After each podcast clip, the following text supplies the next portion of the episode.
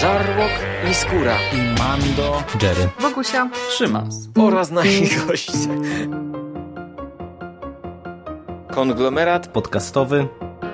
Wasze ulubione podcasty w jednym miejscu. Zapraszamy. Zapraszamy. Zapraszamy. zapraszamy. Zapraszamy!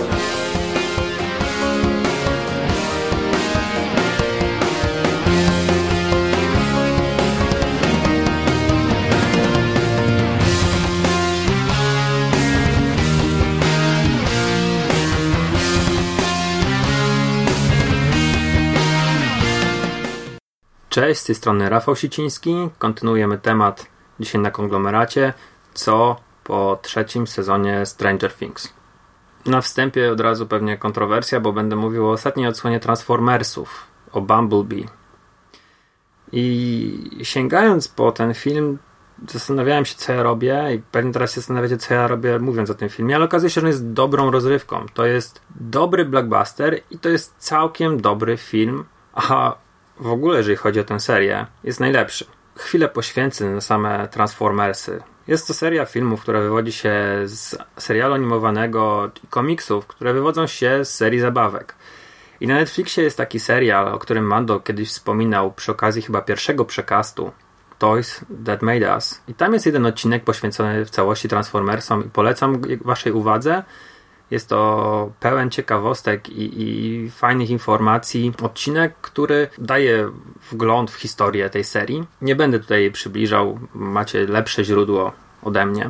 Mm, pierwszy film, byłem na nim w kinie 12 lat temu i on mi się podobał. Nigdy nie rozumiałem tej strasznej fali hejtu, który się na niego wylał i tej olbrzymiej krytyki. Po pierwsze, to był letni blockbuster, a poprzednia dekada i filmy, blockbustery, które były puszczane w poprzedniej dekadzie, trochę innymi prawami się rządziły niż teraz obecnie.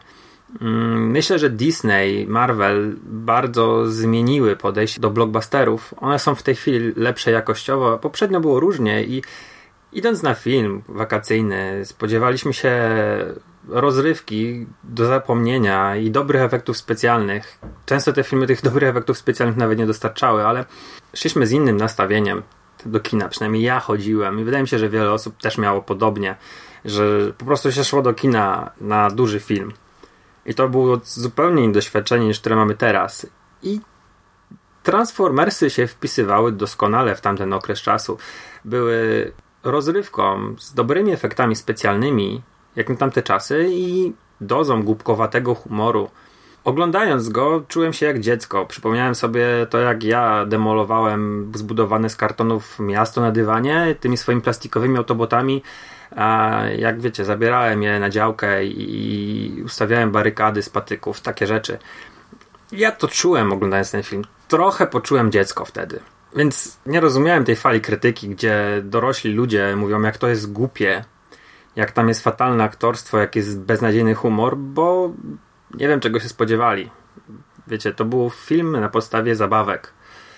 E, no niestety swoje zdanie zweryfikowałem tej serii już przy drugiej części, a każda kolejna była jeszcze gorsza i jeszcze gorsza i w, w tym roku jak sobie włączałem na Netflixie Ostatniego Rycerza, mm, ten ostatni film Beya, o Jezus, to bardziej to był festiwal żenady i paskudnych efektów specjalnych i, i, wielkiego chaosu niż czegokolwiek innego. I żal mi było tych wszystkich aktorów, którzy wygłaszają te kretyńskie teksty mm, i biegają po tym, wiecie, planie pewnie, który, który był jedną wielką zieloną e, masą obiektów. Mm, I na to wszystko nałożono obrzydliwe CGI, gdzie nic nie było widać i wepchnięto jakąś idiotyczną mitologię. To wszystko.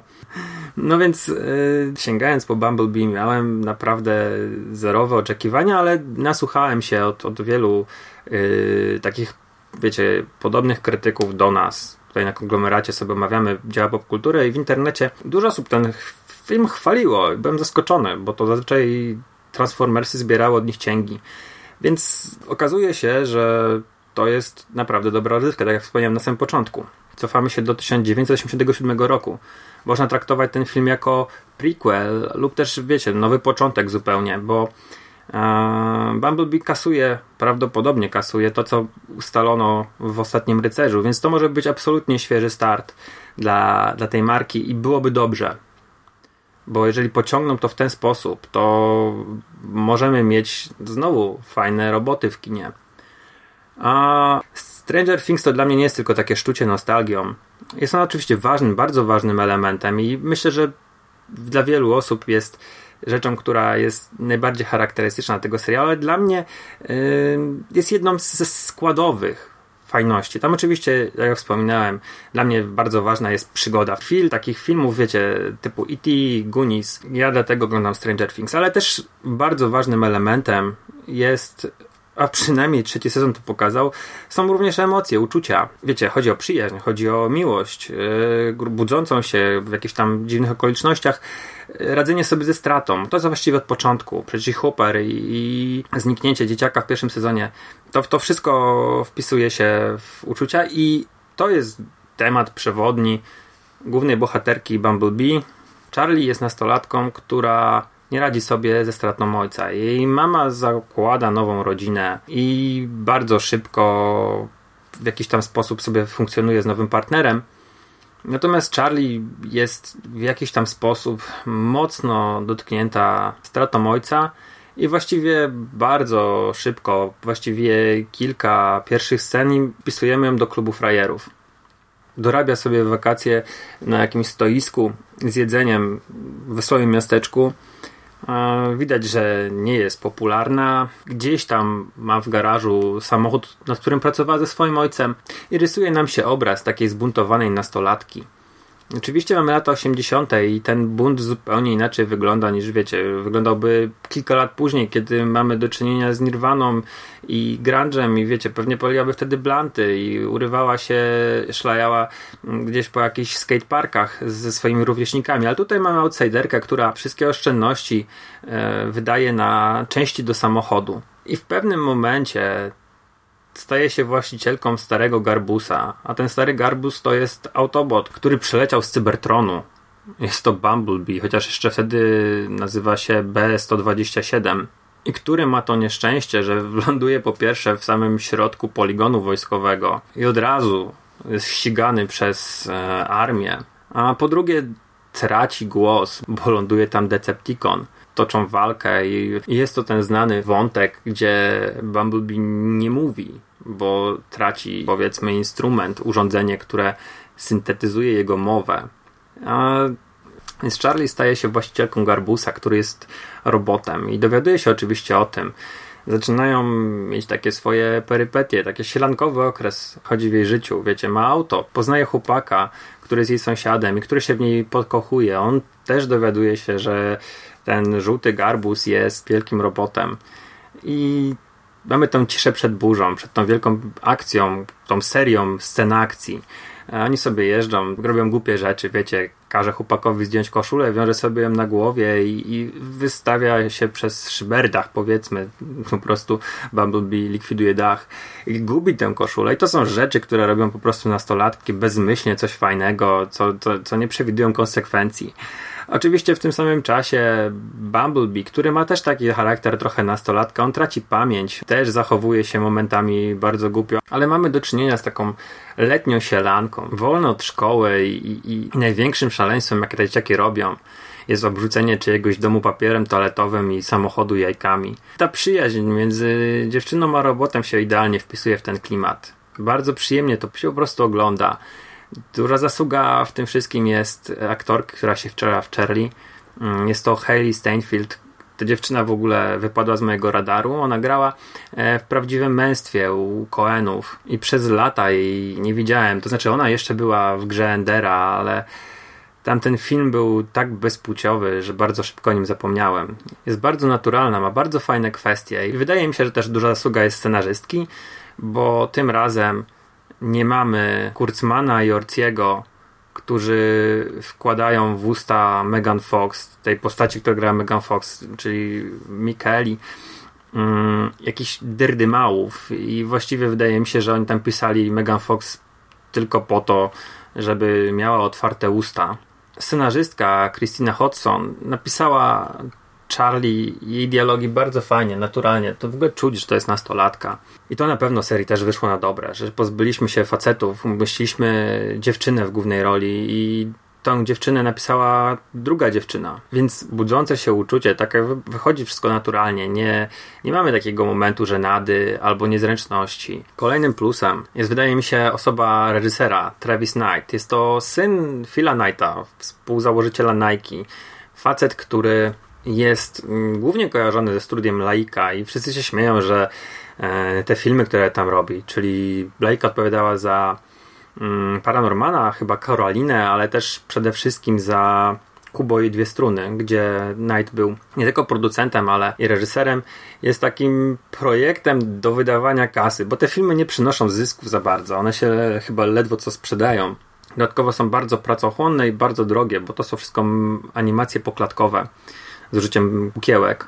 I Travis Knight yy, robi sobie te filmy, teraz robił Praziomka jako producent. Robi sobie w tej lejce filmy, no ale dali mu duży film, blockbuster, Bumblebee i zrobił go rewelacyjnie. Może też dlatego, że facet ma 45 lat i w latach 80. był nastolatkiem, pamięta jak to było. Film nie jest przeładowany efektami specjalnymi. Mamy właściwie oprócz tego Bumblebee jeszcze dwa Decepticony, które go ścigają. Mm, one w pewnym momencie łączą siły z armią amerykańską. Zostają podłączeni do tej amerykańskiej technologii z lat 80., mają dostęp do satelitów i udają oczywiście tych dobrych, e, tylko żeby, wiecie, zrealizować swój plan, zniszczyć Bumblebee, wezwać Decepticony, zniszczyć ludzkość. Jak to bywa ze złymi w takich filmach, mm, to wyszło bardzo na plus. Nie mamy takiego, wiecie, uczucia przesytu, chaosu. Nie towarzyszy nam jakieś takie myślenie, że na co ja patrzę, co ja oglądam. W pewnym momencie w filmach Beya to przeładowanie efektami powodowało wielki zgrzyt. Widzieliśmy te, te, te zmieniające się fury i nie wiedzieliśmy właśnie na co patrzymy, co się dzieje. W pewnym momencie oni w ogóle się składali z jakichś takich śmiesznych kostek. Chyba po prostu szkoda było wydawać pieniędzy na, na, na porządne animowanie tego wszystkiego. Tutaj mamy tego zdecydowanie mniej, to wychodzi zdecydowanie na plus. Jedna rzecz tworzy jeszcze tutaj taki bardzo fajny klimat, e, a to muzyka. Travis Knight, nie wiem czy on akurat odpowiadał za ścieżkę dźwiękową, ale mm, wybrał bardzo fajne utwory. Poza tym jest ten gimmick, e, że Bumblebee nie mówi i używa fragmentów piosenek, które lecą w radio i to wypada rewelacyjnie. Te piosenki właśnie z lat 80. to też nie jest takie bezmyślne konsumowanie, nie, bezmyślne epatowanie utworami na licencji. Pewna doza dystansu do tej całej muzyki, że mm, Charlie wkłada jakąś tam kasetę i Bumblebee po prostu ją od razu wypluwa, bo stwierdza, że to jest wioska. Więc mamy film o nastolatkach, które zachowują się jak nastolatki i mówią jak nastolatki. Osadzony w latach 80 mówiący o uczuciach, radzeniu sobie ze stratą, budzeniu się pierwszej miłości, ale też przede wszystkim czuć w tym filmie tę wielką przygodę, gdzie dziewczyna, wiecie, z przedmieści znajduje coś, dzięki czemu te, te, te nudne wakacje, które miała, wiecie, spędzić w budce z hotdogami, zmieniają się w niezapomnianą do końca życia przygodę intergalaktyczną. I to jest olbrzymi plus tego filmu, wiecie, takiego właśnie letniego akcyjniaka, letniego blockbustera. I wielka szkoda, że ten film leciał, wiecie, w zimą w kinach, bo to jest po prostu idealna rzecz na lato. W ogóle fantastycznie byłoby tak sobie wyobrażam, mieć te 10 lat mniej, pójść na niego do kina i cieszyć Michę do tych wszystkich fajnych, uroczych scen. Oczywiście, wiecie, ten film nie ustrzegł się jakichś tam drobnych wpadek. No, mnie na przykład rozbawiło strasznie, że dzieciak w 87 roku ma do telewizora podpiętego Ponga, gdzie wiecie, właściwie wszędzie tam już był Nintendo Entertainment System i każdy grał mm, na Nintendo. No ale wybaczam, wiecie, no Travis Knight był tym nastolatkiem, młodym nastolatkiem na początku lat 80. i pewnie jeszcze on e, miał Atari i Ponga, albo wiecie, mogłem czegoś nie wyłapać. Aczkolwiek szczerze, to są, wiecie, takie szczegóły, do których no, nie chcę się czepiać, bo, bo nie warto, bo ten film ma do zaoferowania tak dużo, że wybaczam mu te wszystkie małe grzeszki. Dodatkowo w ogóle jeszcze jest jeden taki plus dla wielu ludzi. Może się to wydać bardzo zły casting, ale w roli powiedzmy głównego ludzkiego antagonisty mamy Johna Cena, wrestlera. Wiecie, ja jestem fanem wrestlingu i zawsze jeżeli widzę jakąś mordę, mm, którą znam z WWE, to, to dla mnie jest jakiś taki duży plus. No tutaj Sina nie popisuje się jakoś bardzo aktorsko. Oczywiście jest zabawny i gra, wiecie, wojskowego trepa, który yy, jedyne co to złapać samochód, ale jest naprawdę uroczy i, i to jest ten moment, kiedy ten najbardziej zły, powiedzmy, jest, jest w jakiś tam sposób komiczny w tym wszystkim. Oczywiście, no, jak to w takich filmach bywa, e, agent, agent Burns e, się rehabilituje już na sam koniec, ale no, przez większość filmu jest, jest, jest, jest bad guyem. Także e, ode mnie na temat Bumblebee tyle. Wydaje mi się, że jeżeli komuś podobał się ten letni, wakacyjny klimat w Stranger Things, odnajdzie pewne rzeczy i w Bumblebee jest to z pewnością rzecz, jeżeli chodzi o Transformersy, najlepsza. Nie skreślajcie tego filmu, zapomnijcie o tych pięciu rzeczach, które zrobił Bay i dajcie mu szansę, jest naprawdę fajny. Także na dzisiaj tyle, dzięki za wysłuchanie, cześć.